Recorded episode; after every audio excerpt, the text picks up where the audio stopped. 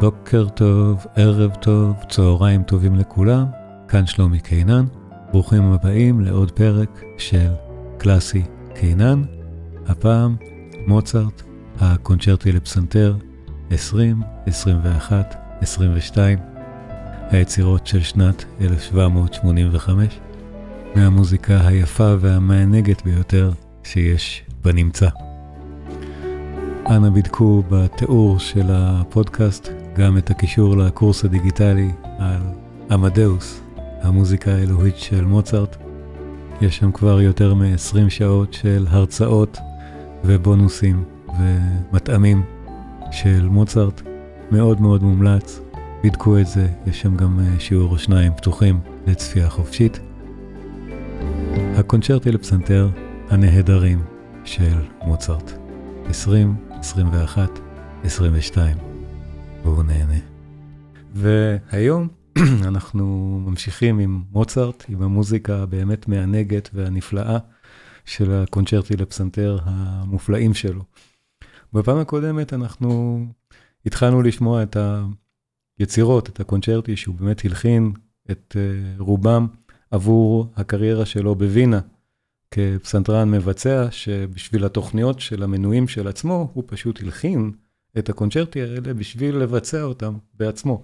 הוא היה הפסנתרן הווירטואוז והמלחין הבכיר בווינה, ובפעם הקודמת שמענו את תחילת הדרך הזאת, את הקונצ'רטו ה-11, למשל, זה הראשון שהוא הלחין בשביל ווינה כשהוא רק עבר לשם.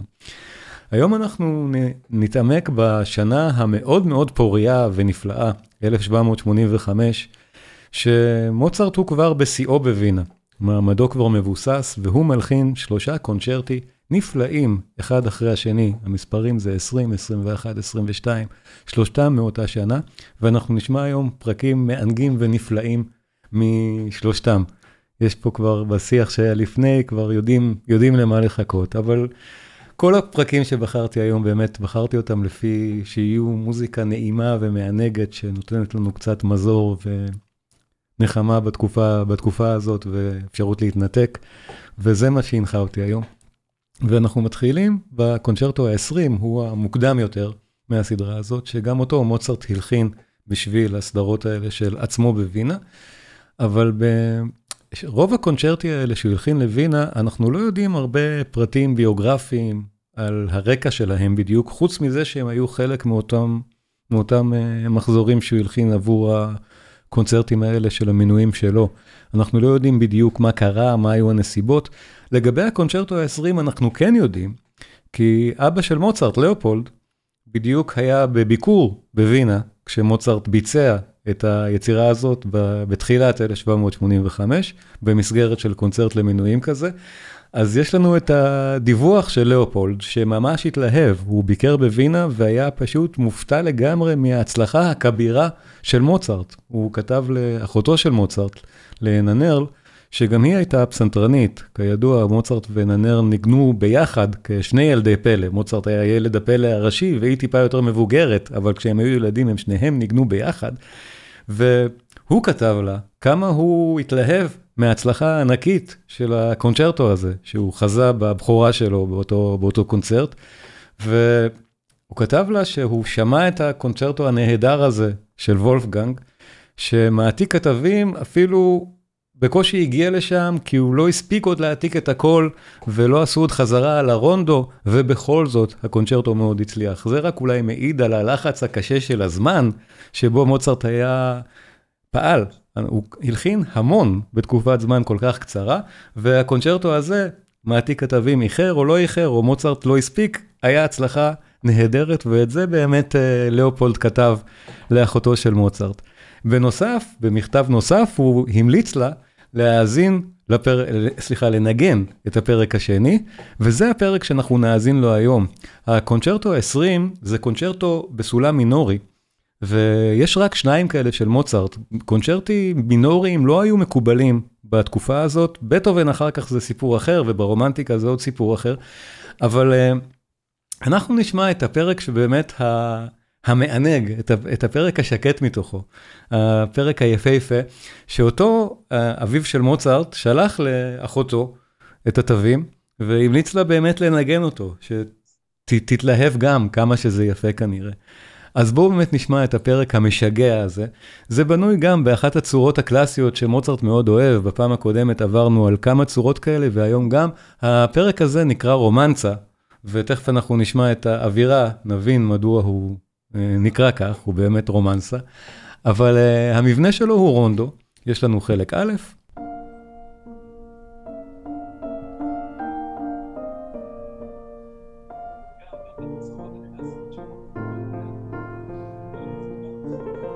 חלק ב'. רגע, צריך להשתיק מיקרופונים בבקשה? זה חלק ב', ואז חוזרים לחלק א', ובחלק ג', באמת אנחנו מקבלים את אותה סערה שיש בפרק הראשון, שאותו אנחנו לא נשמע היום, את הפרק המינורי, הראשון והאחרון הם מינוריים. ומוצרט מנצל את צורת הרונדו הזאת בשביל להכניס באמת כמה חלקים נפרדים, ואחר כך, כמו בצורה, אחרי יש לנו א', ב', א', ג', שוב א', ובסוף קודה. אז בואו באמת נשמע את הפרק הנהדר והמענג מאוד הזה, מתחיל עם הפסנתר הנפלא של אשכנזי כאן, תכף אני גם אראה את הביצוע.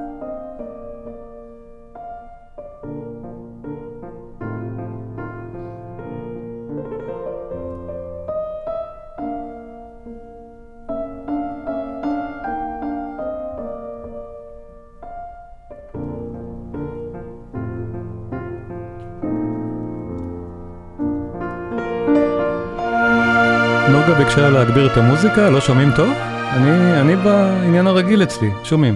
אוקיי, שומעים בסדר.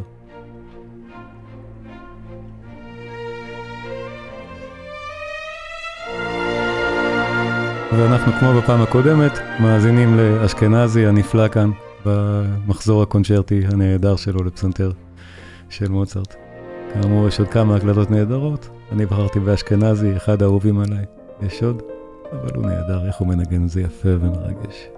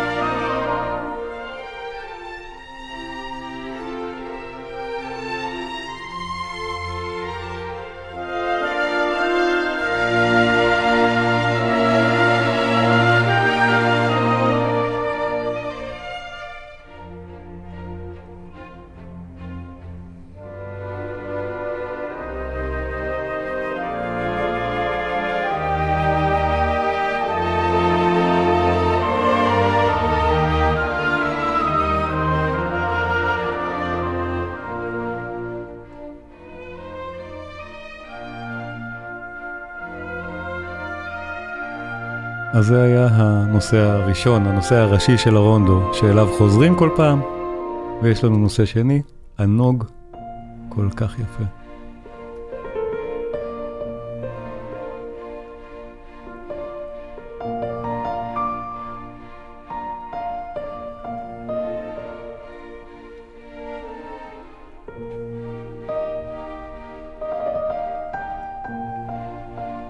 הקונצ'רטו הזה, מספר 20 ברה מינור של מוצרט, היה אחד האהובים ביותר על בטהובן. בטהובן מצוטט על ידי המזכיר האישי שלו, על ידי ריס, כמשבח את הקונצ'רטו הזה, וגם הוא היה ברפרטואר של בטהובן כמבצע, מאז ומתמיד. בטהובן ניגן אותו המון פעמים. ולאורך כל התקופה הרומנטית, שהרבה מהקונצ'רטי של מוצרט מעט נדחקו הצידה אחרי בטהובן, זה תמיד נשאר. אולי באמת בגלל שהוא מינורי, ובגלל שהוא יותר סוער מאחרים, לא הפרק הזה, אבל גם בפרק הזה, חלק C, יש בו סערת רגשות שאנחנו נשמע.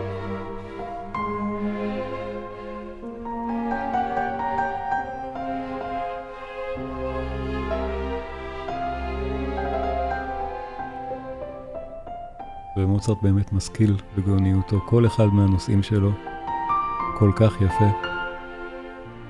פסנתר נהדר פה.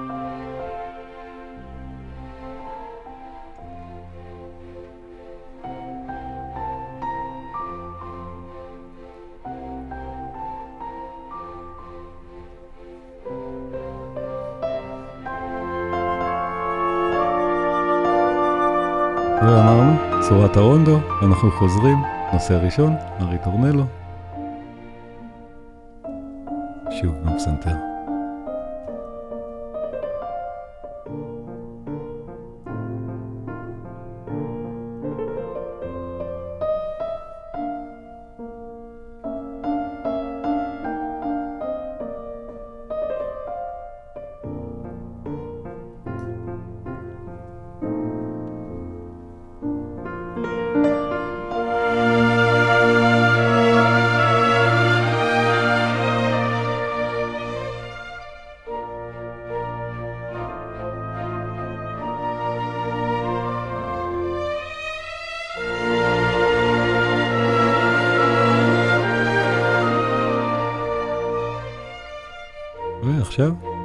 המבנה, אנחנו נכנסים לנושא השלישי, הסוער, הרגעים הבטובניים, או שבטהובן ודאי אהב.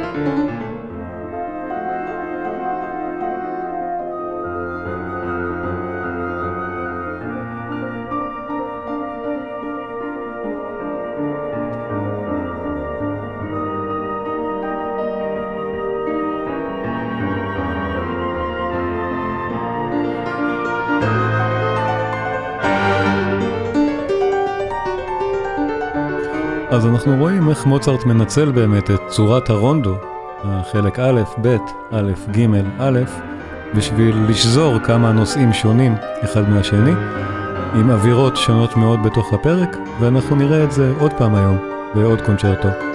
דבר דומה שמוצרט עושה בצורה מאוד מאוד אפקטיבית.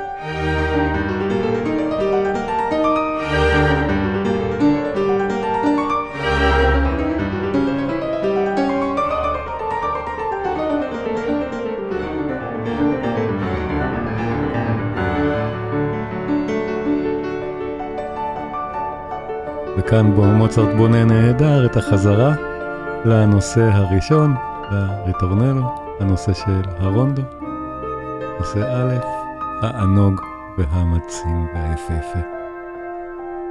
כאן. אנחנו זוכרים את זה כבר מקודם.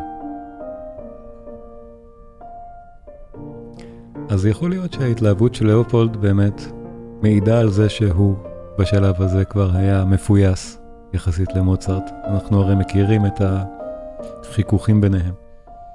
גם על רקע העזיבה של מוצרט, שמוצרט עזב את זלצבורג, בניגוד לדעתו של אביו, וגם שהתחתן עם קונסטנצה, שוב, בניגוד לדעתו של לאופולד.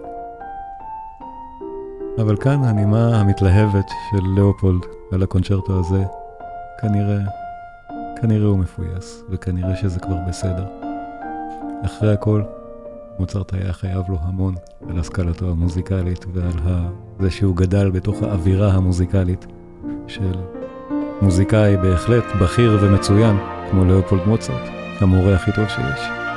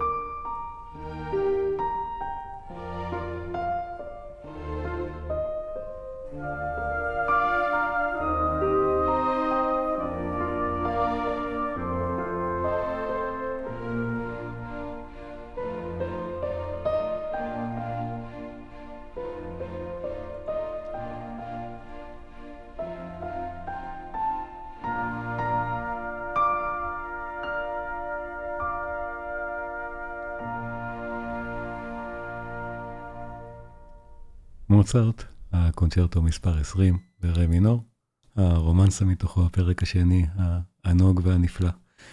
והקונצ'רטו הצמוד, מספר 21, שהוא גם אחד המפורסמים ביותר שיש, הקונצ'רטו מספר 21 של מוצרט.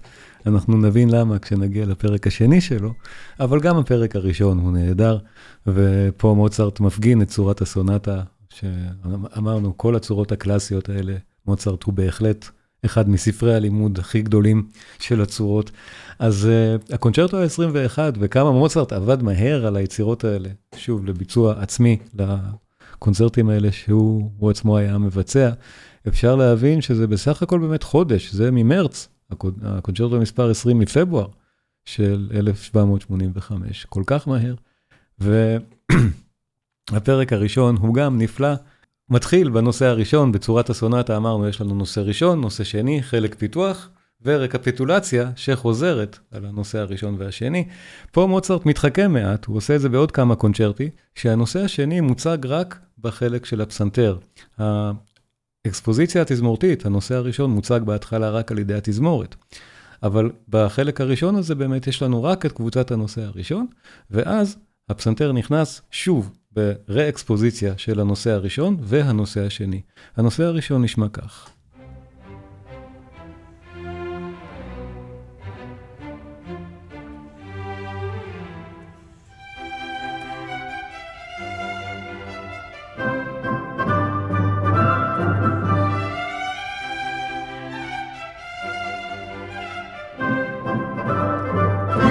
והנושא השני, הנהדר, שמוצג על ידי הפסנתר ברה-אקספוזיציה. גם נושא מוצרטי נפלא.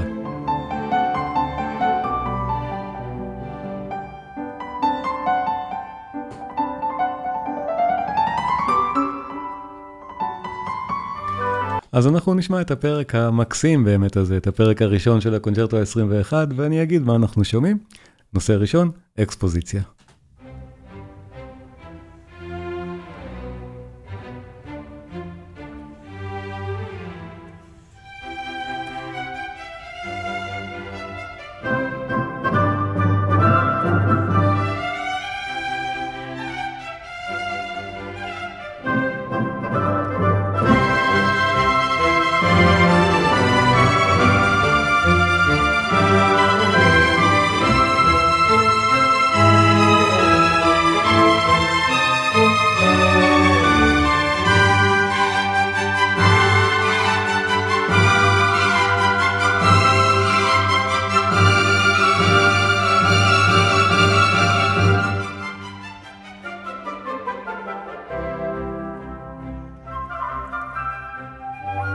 אז זהו, זה באמת מטעה, אבל זה בעצם לא הנושא השני. אנחנו פה במין קבוצת הנושא הראשון. את הנושא השני מוצרט מחכה לפסנתר, וזה באמת אחד מהפרקים הארוכים בקונצ'רטי של מוצרט. אנחנו שומעים, זו חזרה על הנושא הראשון בעצם, זה סוג של קונטרפונקט. הפרק הזה הוא כמעט רבע שעה, פרק באמת ארוך בהחלט במושגי התקופה.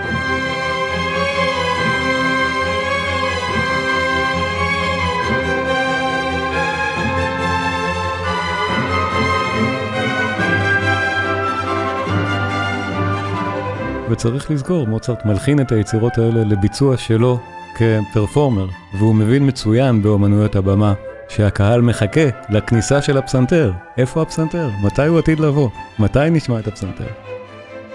מוצרט בונה את המתח הזה, נהדר כאן. עדיין לא נכנס. שוב, אותו נושא, אותו מוטיב.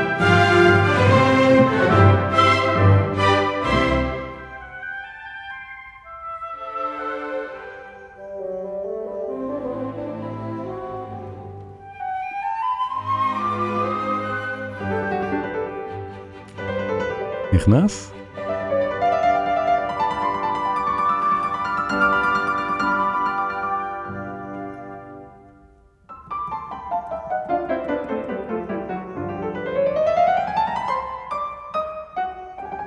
ומנגן לנו את הראקספוזיציה עכשיו.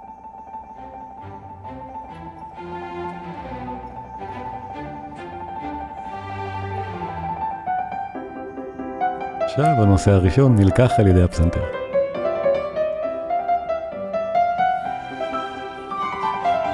כל כך יפה.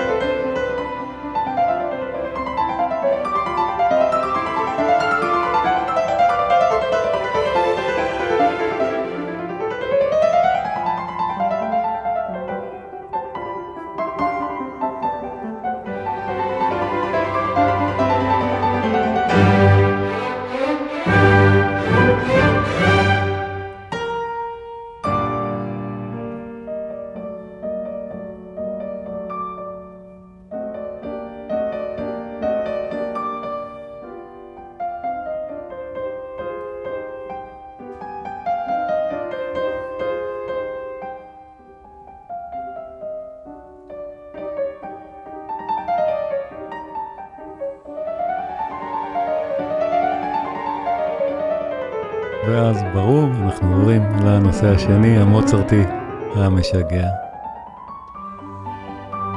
כל כך יפה.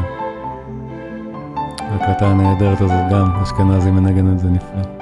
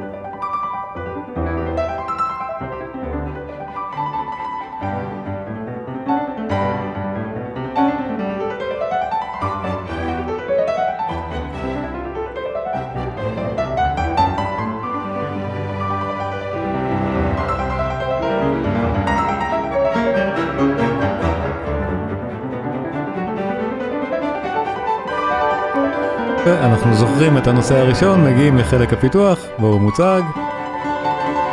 וריאציה. ההסדרות האלה של מוצרט, כאמור, מאוד מאוד הצליחו. לא היה צריך רק את העדות של לאופולד. מוצרט התפרנס מזה באמת מצוין, והמודל העסקי שלו באמת, של ה... בעצם המוזיקאי הגדול, המלחין הגדול, הפרילנסר הראשון, שסירב לעבוד הרי עבור קולורדו, התפטר, והפך להיות מוזיקאי עצמאי.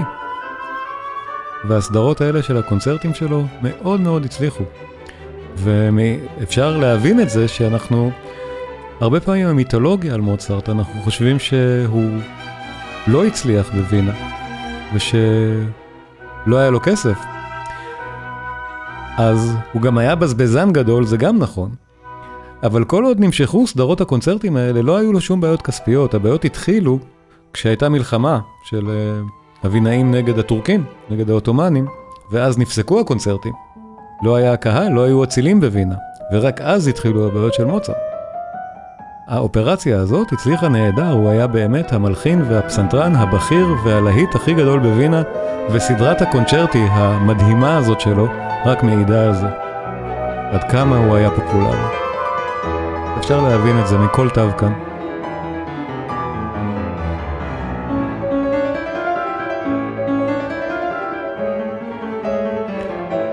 כלי הנגינה שמוצרט ניגן עליו, הפסנתר הקדום, שנראה כך, מצלצל גם אחרת, הרבה הרבה יותר קטן. יש הקלטות עכשיו עם כלי התקופה, עם, כלים, עם כלי כזה גם. זה נשמע לדעתי באמת קצת פחות טוב, זה אולי מעניין, אבל הפסנתר המודרני עושה לזה חסד. אבל צריך לזכור, מוצרט ניגן את זה על הכלים האלה.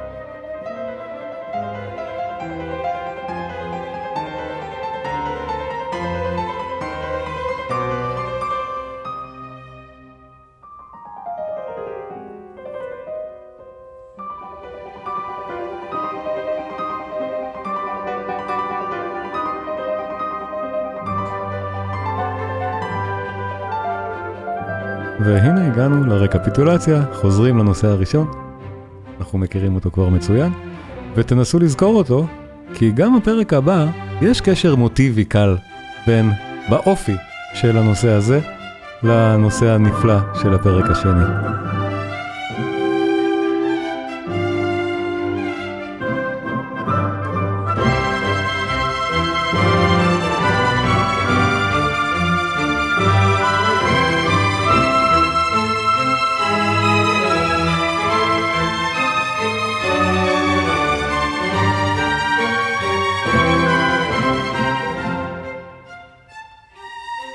ושוב הקונטרפונקט, נהדר של מוצרט.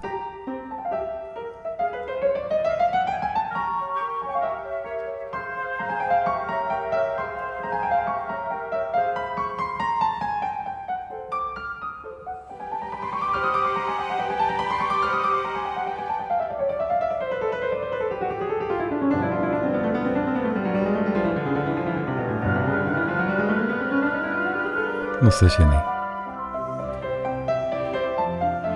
שימו לב שברקפיטולציה הנושא השני הרבה יותר קרוב לנושא הראשון. פה מוצרט לא מחכה, הוא לא בונה את הבנייה הדרמטית של כניסת הסולן וכולי. כל כך יפה.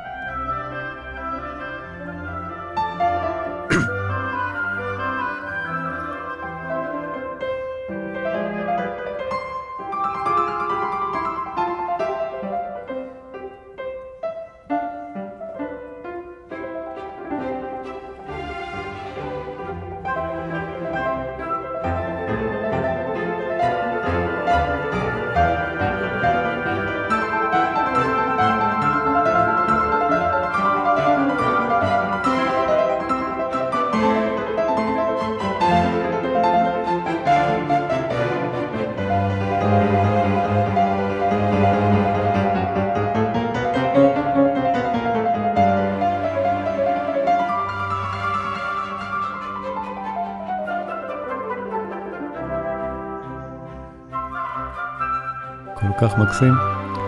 והמודל הזה של מוצרט בתור הפסנתרן והמלחין, שמלחין לעצמו את היצירות שהוא מבצע, באמת בטהובן לקח ממנו את הדוגמה. בטהובן בתחילת הדרך בווינה בדיוק ניסה ללכת על אותו המודל של מוצרט. בטהובן כמו דיברנו בהרצאות על הקונצ'רטי לפסנתר של בטהובן, מילא את החלל שמותו הפתאומי של מוצרט הותיר אחריו בהוויה המוזיקלית, ההבינאית. ופשוט עשה בדיוק את אותו הדבר.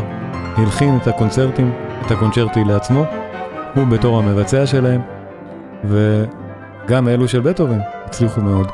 אבל הסדרה הזאת של מוצרט, מ-11 עד ה-27, הקונצ'רטי שהולחנו בווינה הזאת, זה פשוט קורפוס עצום. כל כך הרבה מוזיקה נפלאה הוא הלחין בשביל הדבר הזה.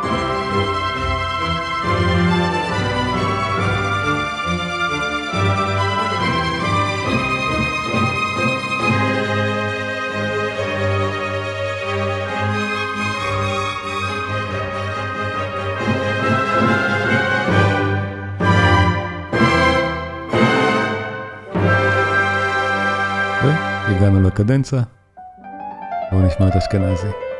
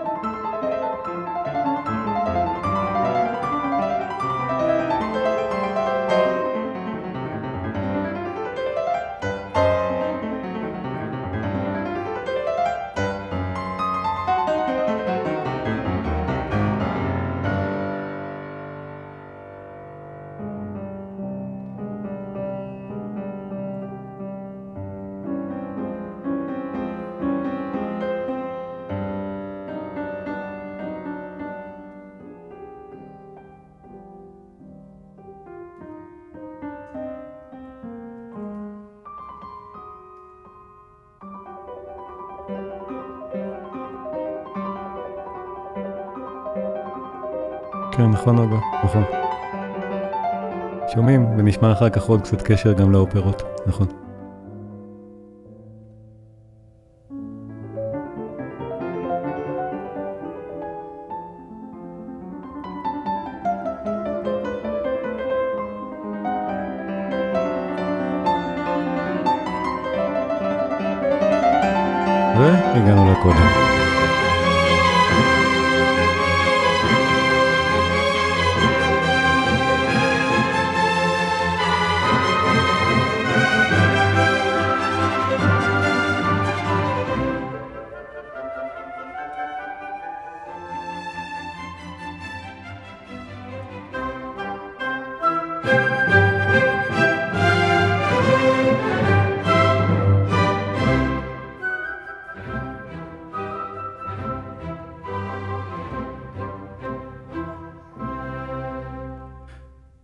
הקונצ'רטו ה-21, פרק ראשון, והקונצ'רטו הזה גם יש לו כינוי, כינוי אה, פופולרי.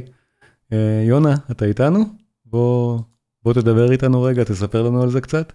אה, בשנות ה-60 נהיה סרט בשוודיה, סרט רומנטי, נערה שוודית יפה מאוד, בלונדית, זוהרת, מתאהבת בקצין צבא, שוודי כמובן, והם מבלים וכולי וכולי, אבל הוא בצבא, אז פעם יוצא, פעם נכנס, והוא כל כך מאוהב מעל הראש, שהוא רוצה כבר לעזוב את הצבא ולהיות עריק, ואז הצבא כולו רודף אחריו, והוא מגיע למצב, הם מגיעים למצב של מלכודת שכבר אין להם ברירה, והם מחליטים שמלחיות ביחד לא יכולים, הם ימותו ביחד, ומתאבדים הסרט הרומנטי, מאוד יפה, אני uh, uh, אומר בחרדה על גבול השמלץ, כל כך יפה ממש, והסרט מלווה בזמן, רוב הזמן, על ידי הקטע המוזיקלי שאנחנו נשמע אותו עוד מעט, הקטע השני מהקונצ'רטו 21 שקוראים לו אנדנטו והסרט הזה פרסם כל כך הוא את היצירה של מוצרט, מוצרט לא צריך פרסום של אף אחד, אבל היצירה הזאת, הקונצרטו 21, התפרסם אצל אנשים שלא שמעו מוצרט בחיים שלהם. נכון. עד כדי כך שאתה הולך לחנות לקנות קונצ'רטו מספר 21, אתה שואל, אתה מקבל דיסק שעליו כתוב אלווירה מדיגן, כן. מוצרט, קונצ'רטו מספר 21. נכון, הקונצ'רטו לפעמים מכונה כן. אלווירה מדיגן, נכון, ומכירים את זה בשם הזה, אז אתה מאוד מאוד צודק, נכון. תודה יונה, תודה רבה על הסיפור. ובאמת הקטע שבחרו לסרט זו בחירה באמת גאונית של קטע שהוא באחד מהנוגעים, המלודיה הכי יפה בעולם בערך. אין, אין מילים, אי אפשר, יש, יש מוזיקה שאי אפשר לתאר אותה במילים. זה זה. מלודיה מוצרטית מהיפות ביותר שיש בכלל, בכל הרפרטואר, לא רק של מוצרט, אלא בכלל. אני אדבר תוך כדי המוזיקה כמה שפחות בשביל לא להפריע לחוויה הבאמת הנפלאה הזאת של המוזיקת אהבה, המוזיקה הנפלאה הזאת של מוצרט. ומוצרט באמת כאן לא בונה את זה בשום צורה שאנחנו רגילים אליה. המוטיב הזה שלו הוא כל כך ארוך וכל כך יפה, שהוא פשוט חוזר עליו ועושה עליו אלבורציות. החל... הקטע מחולק לשלושה חלקים, יש רק תזמורת, אחר כך הפסנתר באלבורציה ארוכה, ואחר כך שוב אותו קטע של ההתחלה עם הפסנתר. אבל זהו, המלודיה עצמה היא שמימית, לא סתם קראו למוצרט עמדאוס. בואו נשמע.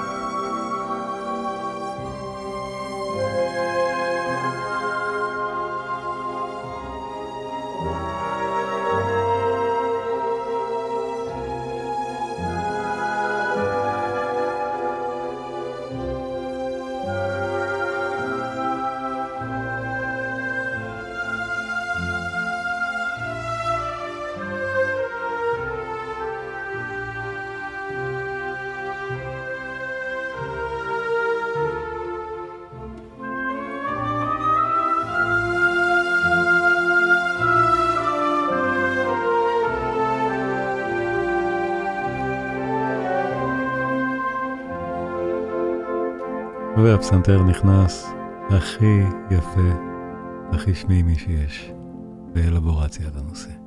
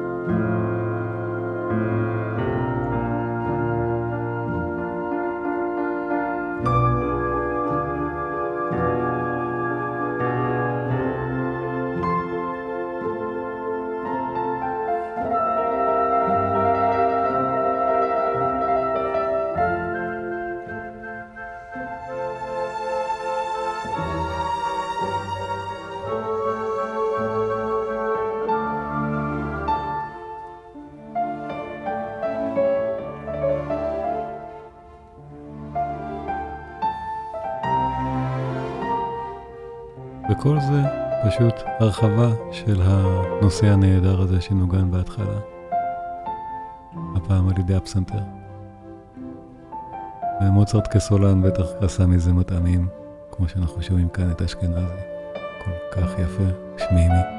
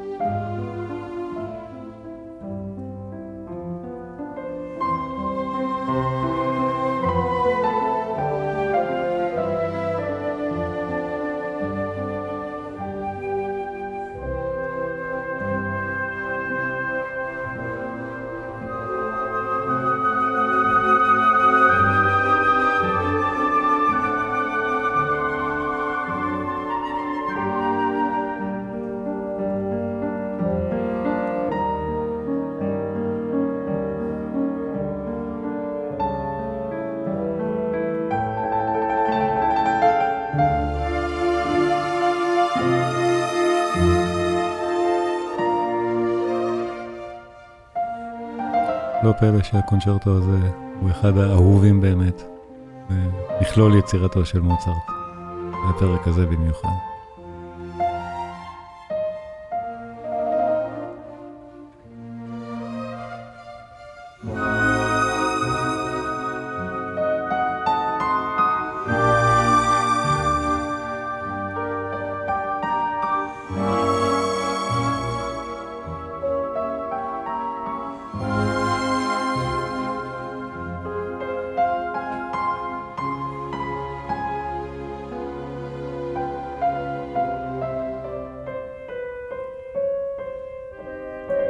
ואנחנו חוזרים להתחלה, לנושא הראשי עם הפסנתר.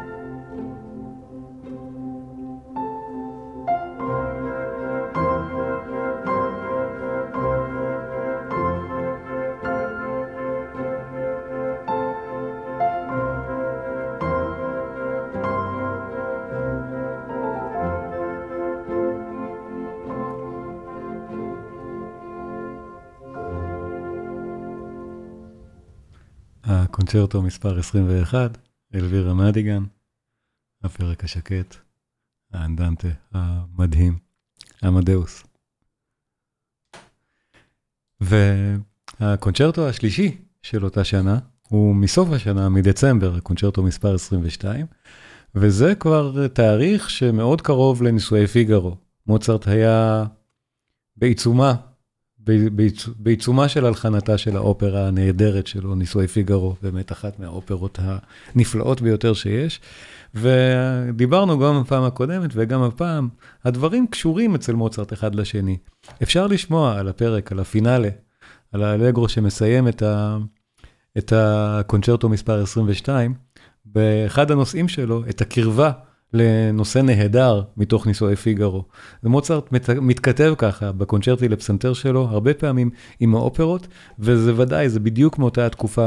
הקטע שאיתו הוא מתכתב כאן זה אחד מהקטעים הנפלאים ביותר באופרות של מוצרט בכלל, זה הפינאלה, הרגע בפינאלה של נישואי פיגארו, שבו הרוזן מבקש, מבקש סליחה מהרוזנת, והרוזנת סולחת לו. זה גם רגע דרמטי נהדר ומזוכח, ורגע מוזיקלי נהדר עוד יותר. בואו נזכר איך זה נשמע באופרה, ואז אני אשמיע את הפרק מהקונצ'רטו. באופרה זה כך, הרוזן מתנצל, ושהמוזיקה היא אלוהית.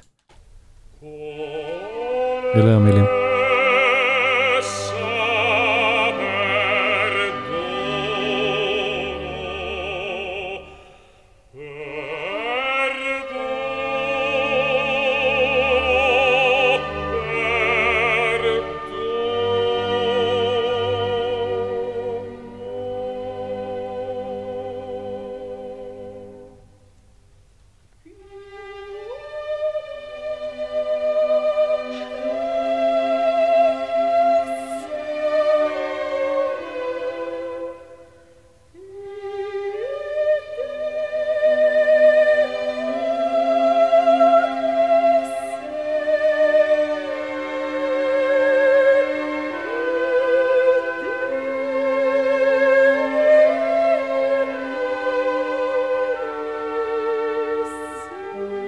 אז זה הרגע מתוך האופרה, מנישואי פגרו, שתזכרו אותו, שיהיה אצלכם בראש המוזיקה הזאת. כי אחד הנושאים המרכזיים בפרק שאנחנו נשמע, מתקשר עם הרגע האופראי הנפלא הזה.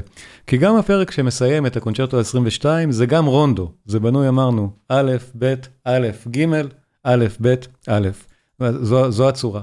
וכאן, כמו שאמרנו ברונדו, אפשר להכניס נושאים שונים, נושא א' הוא חוזר כל פעם, אבל ב' וג' הם נושאים אחרים. נושא ג', הנושא C באמצע, הוא הנושא שמתקשר עם הקטע האופראי הזה, נושא נפלא באמצע הפרק, בואו נאזין לכולו, ואני אגיד שזה, ואני אגיד שזה מגיע, ואז אתם, ואז אתם תוכלו להשוות ולהגיד, וואי, נכון, זה באמת מאוד מאוד מזכיר. היי, הרונדו מתחיל כך.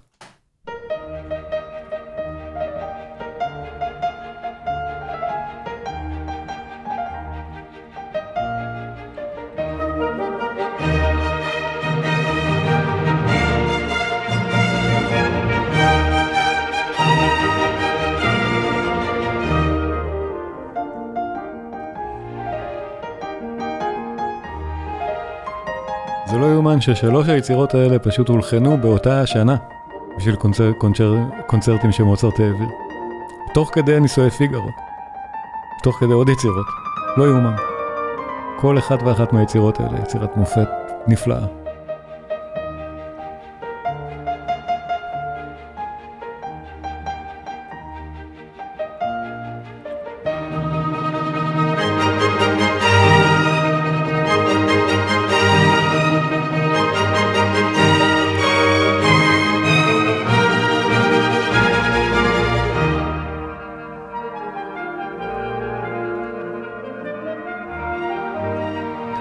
תסלחו לי, נסיים לנו קצת יותר מאוחר, אנחנו גם התחלנו באיחור, אבל אני בטוח שנהנים מהמוזיקה המענגת מאוד מאוד של מוצרט. בחרתי באמת את הקטעים הכי מענגים שאפשר, אני חושב, מתוך הרפרטואר הזה.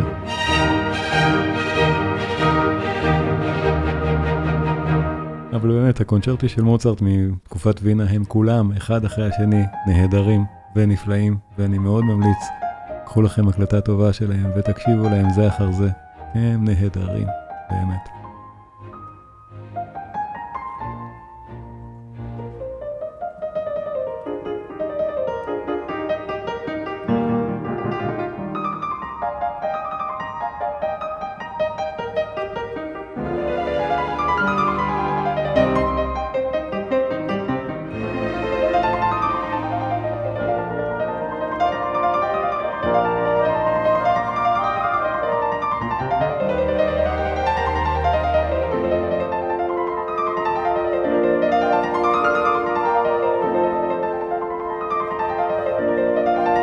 תודה עליזה, תודה רבה.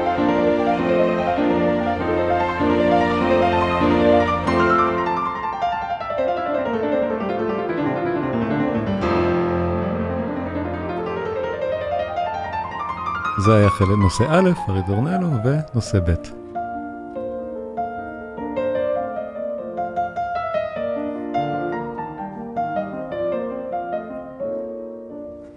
מוצרתי כל כך וכל כך משגע.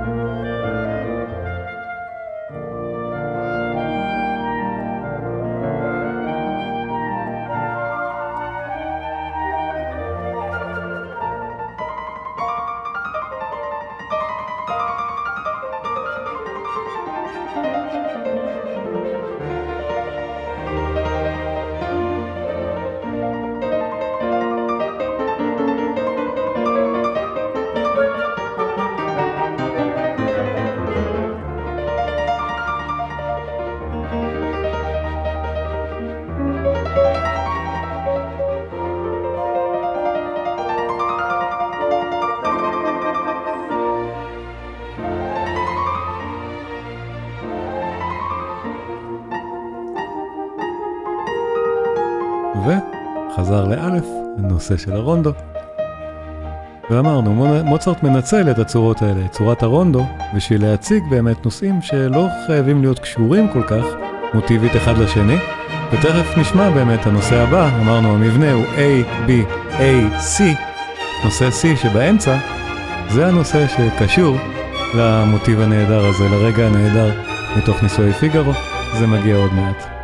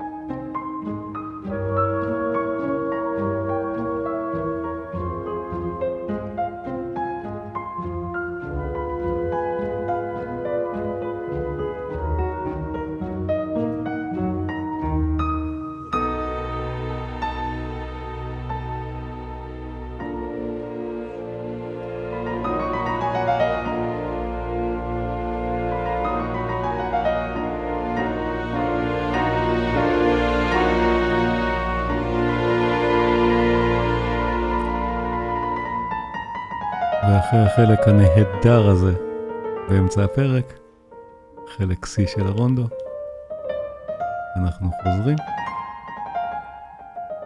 ל-A, לריטורנלו שאנחנו זוכרים מקודם, הקליל והמשגע.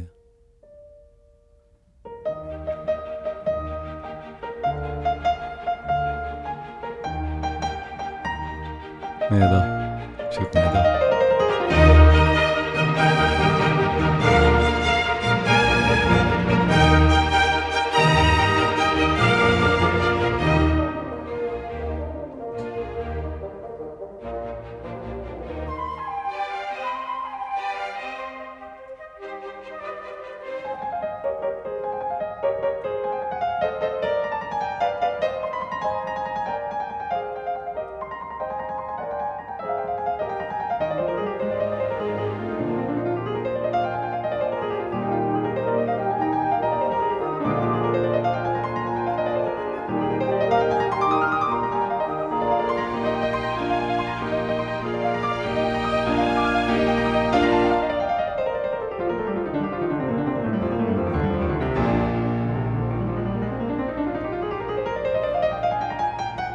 עושה בי. נהדר. אז באמת בקורפוס, במבחר הנפלא הזה של ה-27 קונצ'רטי לפסנתר של מוצרט, הוא הגודפאדר של הסוגה הזאת, של הקונצ'רטו הקלאסי לפסנתר ואחר כך הרומנטי. אף מלחין אחר לא הלחין כל כך הרבה יצירות נפלאות לסוגה וכל כך... בעצם מוצרט הוא הוגה של הסוגה של הקונצ'רטו לפסנתר. אין מה לדבר. יצירות נפלאות אחת-אחת.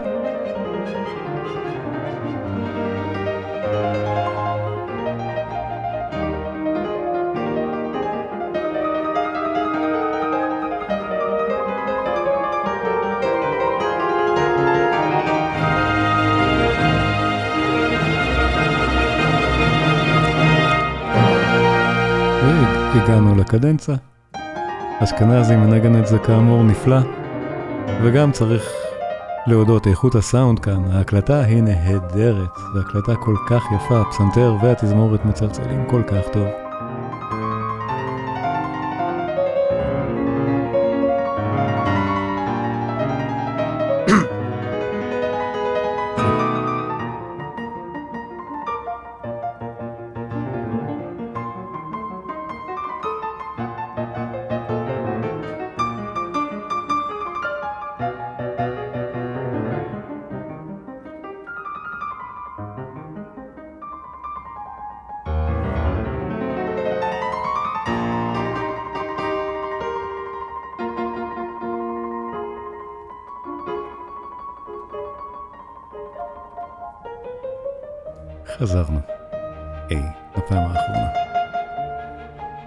נושא נהדר של הרונדו בפרק נפלא. קונצ'רטי לפסנתר, שלושת האלה מהשנה הזאת הם שלושתם נהדרים, פסגתיים לגמרי. אחד יותר נפלא מהשני. וההספק של מוצרט לא יאמן. יונה כותב, יש ממציא מוצרט ויש מפתח בטהובן. לא נכון.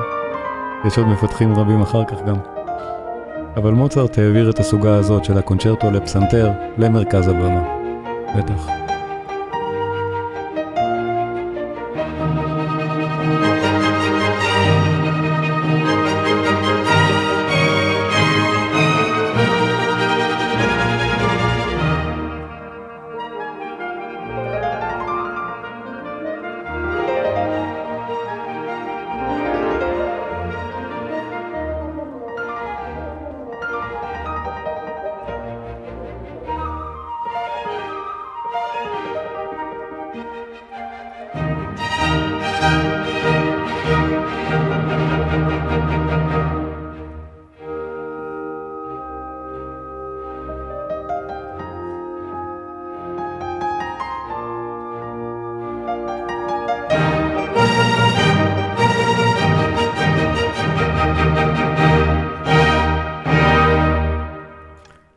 מוצרט, הקונצ'רטו לפסנתר, מספר 22, יצירה נהדרת, ותודה רבה לכם. לפני שנפרדים, תנו לי לספר לכם על הקורסים הדיגיטליים שנמצאים כבר ברשת. קלאסי קינן, הקורסים הדיגיטליים של שלומי קינן, הקורסים מיועדים לחובבי מוזיקה מעמיקים שרוצים לדעת יותר. המפגשים מועברים בלשון בהירה וקלה, בלי צורך בקריאת תווים או השכלה מוזיקלית. השיעורים כוללים גם המלצות על ביצועים והקלטות של היצירות. בכל קורס יש שיעור פתוח אחד לצפייה ללא תשלום, מה שאומר שזה שווה, אפילו אם אתם לא רוצים לשלם עליהם, יהיה לכם שם תוכן לראות בחינם. הקורסים שכבר יש, באך, מוזיקה מגן העדן. עמדאוס, המוזיקה האלוהית של מוצרט. מבוא למוזיקה של ריכרד וגנר. בטהובן, העוצמה והיופי. וחדש, מאלר, המשורר הסימפוני.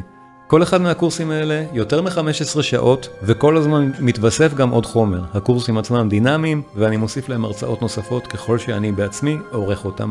אז זה כל הזמן גם משתפר ומשתדרג. מי שמעוניין לבדוק, הקישור נמצא בתיאור של הסרטון בו אתם צופים עכשיו. אני מזכיר לעשות subscribe, לעשות לייק, ואנחנו נשתמע בפעם הבאה.